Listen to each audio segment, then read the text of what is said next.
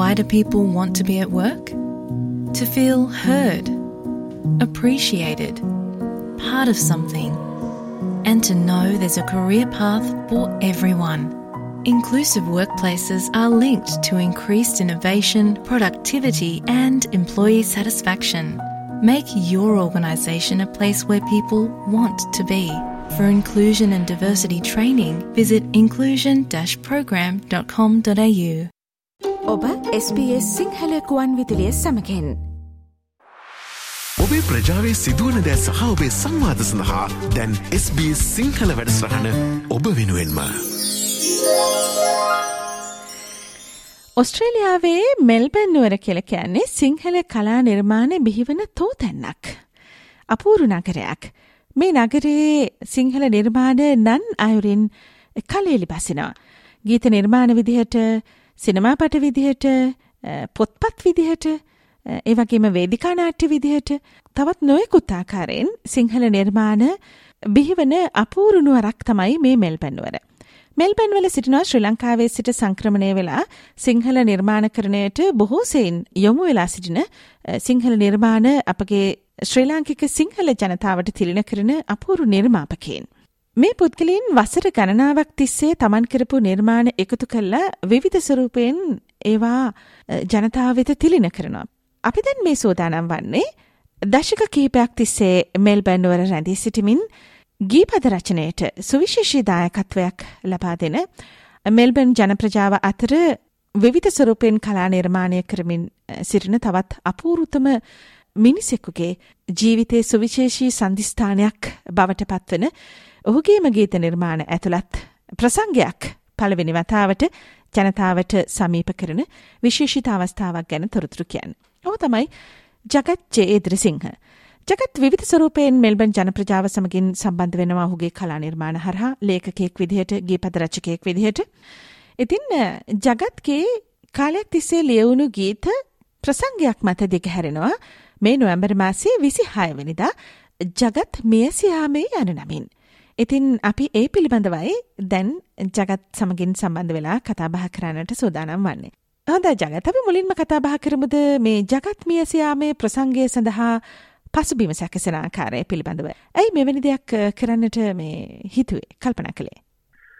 මෙහෙමයි දිල්රුක්ෂි දැන් ගීත රචනා ගැන කතා කළොත් අපි ගා කාලයක ඉඳලා මම ගීත ලියනවා. ඉතින් ජීවිතේ මට ගැටි කාලේ ඉඳලා ගීත ලියලා තිනවා. ඉතින් එක මොහොතක මට කැමැත්තක් ඇති වුණා මගේ හිතේ ආසාවක් ඇති වුණා මේ ගීත රචනා කීපයක් එකතු කරලා ප්‍රසංගයක් හැටියට ඉදිරිපත් කරන්නට ඕනේ කියලා.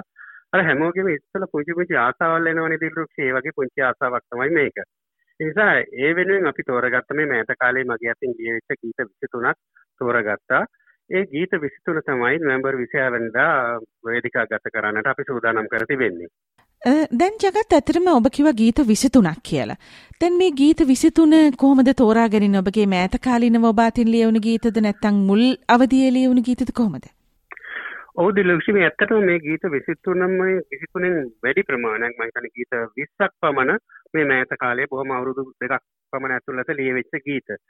ගීත 23 තෝරගන්නට හේතු උනේ එකක් එකක් මුලින් අපි මෙච්චර ගීත සංඛ්‍යාවක් ඇතුල් කරන්නට හිතුවෙත් නෑ නමුත් මේ ප්‍රසංගය සංවිධානය කිරීම ආරම්භ කළාට පස්සේ අපට තේරුණා අපි අතර විශාල පිරිසක් ඉන්නවා ගායනා කරන්නට පුළුවන් නෑ ඉතින් අපි ජීවත් වෙන මේ සමාජයේ අපි අතර ඉන්න අපේ අයට අවස්ථාව දෙන්නට ඕනේ කියන හැඟීම හැම විටම මගේ හිතේ තිබුණා.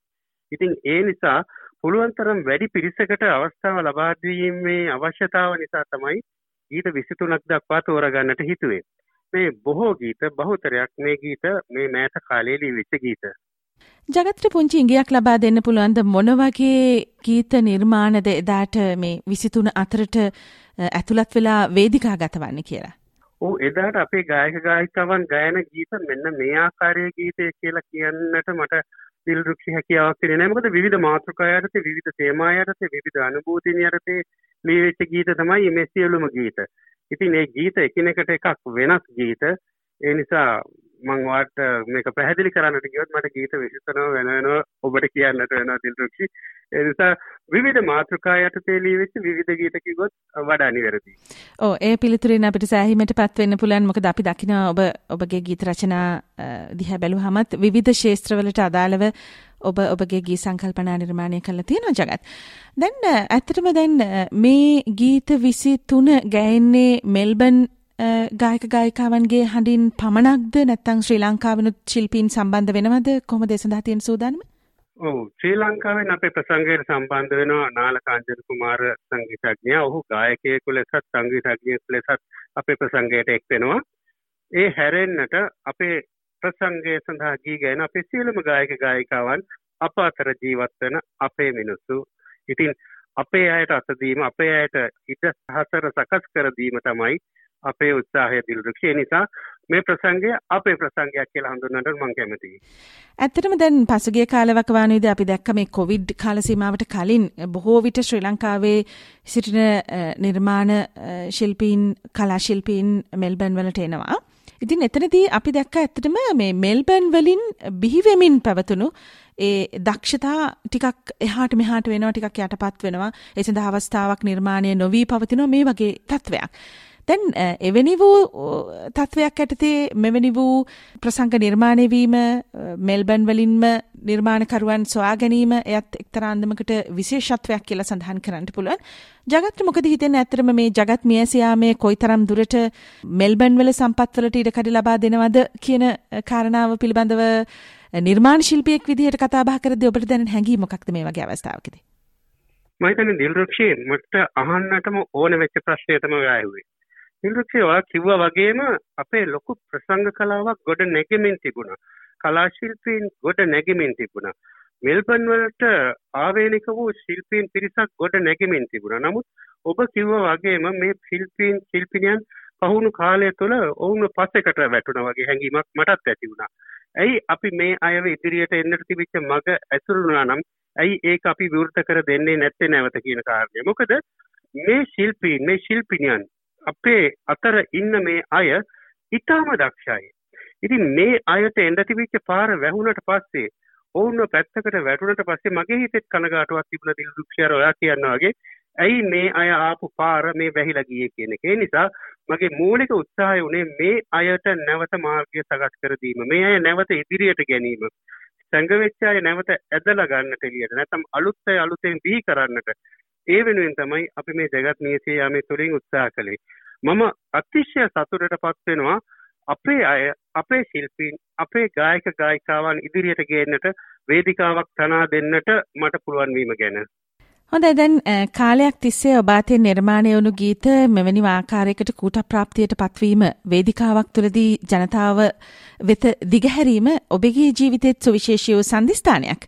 දැන් ජගත් මේ වගේ අවස්ථාවකදී ඇත්තටම මේ මතක් කරන්න මං කැමතියි ඔබ අතින් මුල්ම ලියවුණු ගීතය පිළිබඳව. ඔබ මේ ගී පද රචකයෙක් දක්වා මේ තරම් දුරක් රැගෙන එන්නට මූල බීජය සපයපු මූලික අවස්ථාව ඔබට මතකද? ඔව් දිලක්ෂ මට හොඳට මතකයි ඒ අවස්ථාව මම හිතන්නේ මම මේ පළවෙනි වතාවට ගුවන්විදුලියකින් මේ ගැන කියන්නේ. මම පහේ පන්ති ඉන්නකොට දිලක්ෂ අපේ අල්ලපු පන්තියේ හිටිය සිසිල කුමාර කියලා දරුවෙක්. ගුරුවරු ඔහුට කියලා ගීත කියවනවා.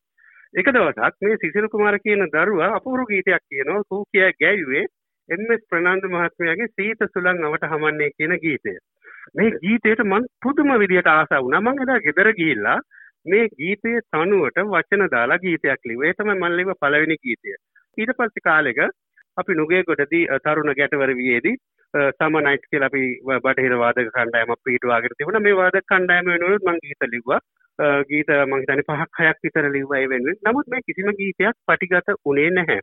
මගේ ගීතයක් මුල්වරට පටිගත වුණේ මෙල්බන් නුවරදී රෝහණ කරුණාරත්න ගැයූ සුමුල කඳු සිරස කියන ගීතය. ඒකම මම අර වාදක කණ්ඩායම් වෙනුවෙන් නිර්මාණ කරපු ගීත අතරින් එක ගීතයක් අපි මෙල්බන් නුවරදී පටිගත කළා. සුදු තාරකා කියන ගීතය තමයි මෙල්බන් නුවරදී පටිගත වුණේ. ඒ විදිහට තමයි ගීත ගමන සිදු වුණේ. හොඳයි ඒකත් ඔබේ ජීවිතයේ සොඳුරු සන්ධිස්ථානයක් විදිහට ප්‍රථම වතාවට SBS සිංහල සේවය සමගින් බෙදාහදාගත්තාට බොහොම ස්තුතියි ජගත්. ජගත් චේත්‍රසිංහ ගීපද රචනා මෙල්බන් වේදිකාවේදී දිගහැරෙන ජගත් මියසියාමේ පිළිබඳව අපි දැන් මේ කතා බහ කරමින් සිටින්නේ. දැන් ජගත් එදාට මේ ප්‍රසංග වේදිකාවේ නර්තනත් ඇතුළත් වෙනවද නර්තන ශිල්පීන්ටත් ඔබ අවස්ථාව ලබා දෙනවද එතකොට කොහොමද වේදිකාවේ දාට සැකසෙන්නේ අපි ටිකක් දැනගන්න කැමති මේ සම්බන්ධවත් තොරතුරු ඔවුල් දිල් රුක්ෂිබේක දෑවන්ත ප්‍රසංගයක්. අද මම උදේ මේ ඉන්න පිරිස ගණන් කරලා බැලුවා පණහකට වැඩි පිරිසක් මේ වේදිකාව පිටිපස්සේ මට සහාය දෙමින් ඉන්නවා.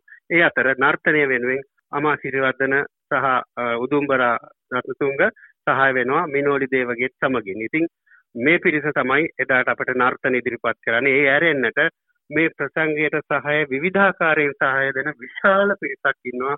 මට නම් වශයෙන් කියන්න ගියොත් කියන්නට වෙලාවක් හම්බෙන්නේ නැහැ දිල් රුක්ෂි. විශාල පිරිසක් මේ ප්‍රසංගය පිටුපස ඉන්නවා. මේ ප්‍රසංගය සාර්ථක කරගන්නට සහාය දෙමින්. හොඳයි. අපි ජගත් එහෙමනම් තොරතුරු දැනගන්න කැමති 26 වෙනිදා මේ ආරම්භ වන වේලාව ස්ථානය සහ ප්‍රසංගයේ අසිරිය දැක බලා ගන්නට කැමති අයට කොහොමද ඔබ සම්බන්ධ කරගන්නේ කියන තොරතුරු දැනගන්න? ඔව් දිල් රුක්ෂි. නොවැම්බර් 26 වෙනිදා සවස් හයට කෙල්වර්ටන් රඟහලේදී තමයි පැවැත්වෙන්නේ ෆොරස් කිල්හි මම විශේෂයෙන් කියන්නට ඕනි කාරණයක් තියෙන දිල්රුක්ෂි අපි ප්‍රසංගය හවස හයට හරියටම පටන් ගන්නවා. මොකද අපි හැම තිස්සෙම තිවිච්චක අදහසක් තමයි වෙලාවට වැඩ කරනයට අපි ගරු කරන්නට ඕනි කියන එක. ඒ නිසා හවස හයට කිවොත් හවස හයට. අපි හවසායට නොවැම්බර් 26 වෙනිදා ජගත් මියසියාමය ෆොරස් හිල්හි කෙල්වර්ටන් තියටරෙහිදී පවත්වනවා. ඉතින් මං ආරාධනා කර සිටිනවා මේ මෙල්බර් නගරේ අවුරුදු විසි පහක් පුරා මා සමග එක්වෙච්ච මගේ හිතවතුන්ට අපේ මිනිස්සුන්ට අපත් සමග එකතු වෙන්න මේ මොහොත අපත් සමග බෙදා හදා ගන්නට කියලා ගෞරවෙන් ආරාධනා කරන්නට කැමති දිල්රුක්ෂි වැඩි විස්සර අවශ්‍ය නම් දිල්රුක්ෂි බින්දුවයි හතරයි තිස් තුනයි හාරසිය තිස් අටයි පන්සිය තිස් පහ දුරකථනයට කතා කරන්නට පුළුවන්. මනැවත කියන්නම්.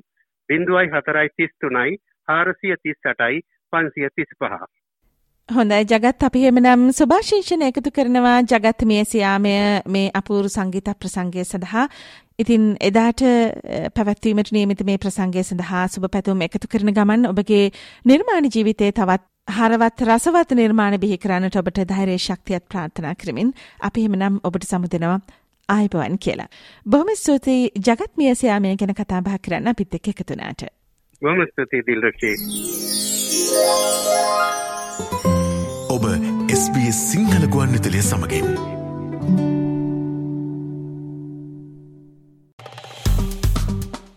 ලයි කරන්න ෂයා කරන්න අදහස් ප්‍රකාශ කරන්න SBS සිංහල ෆස්බුක් පිටුව ෆලෝ කරන්න.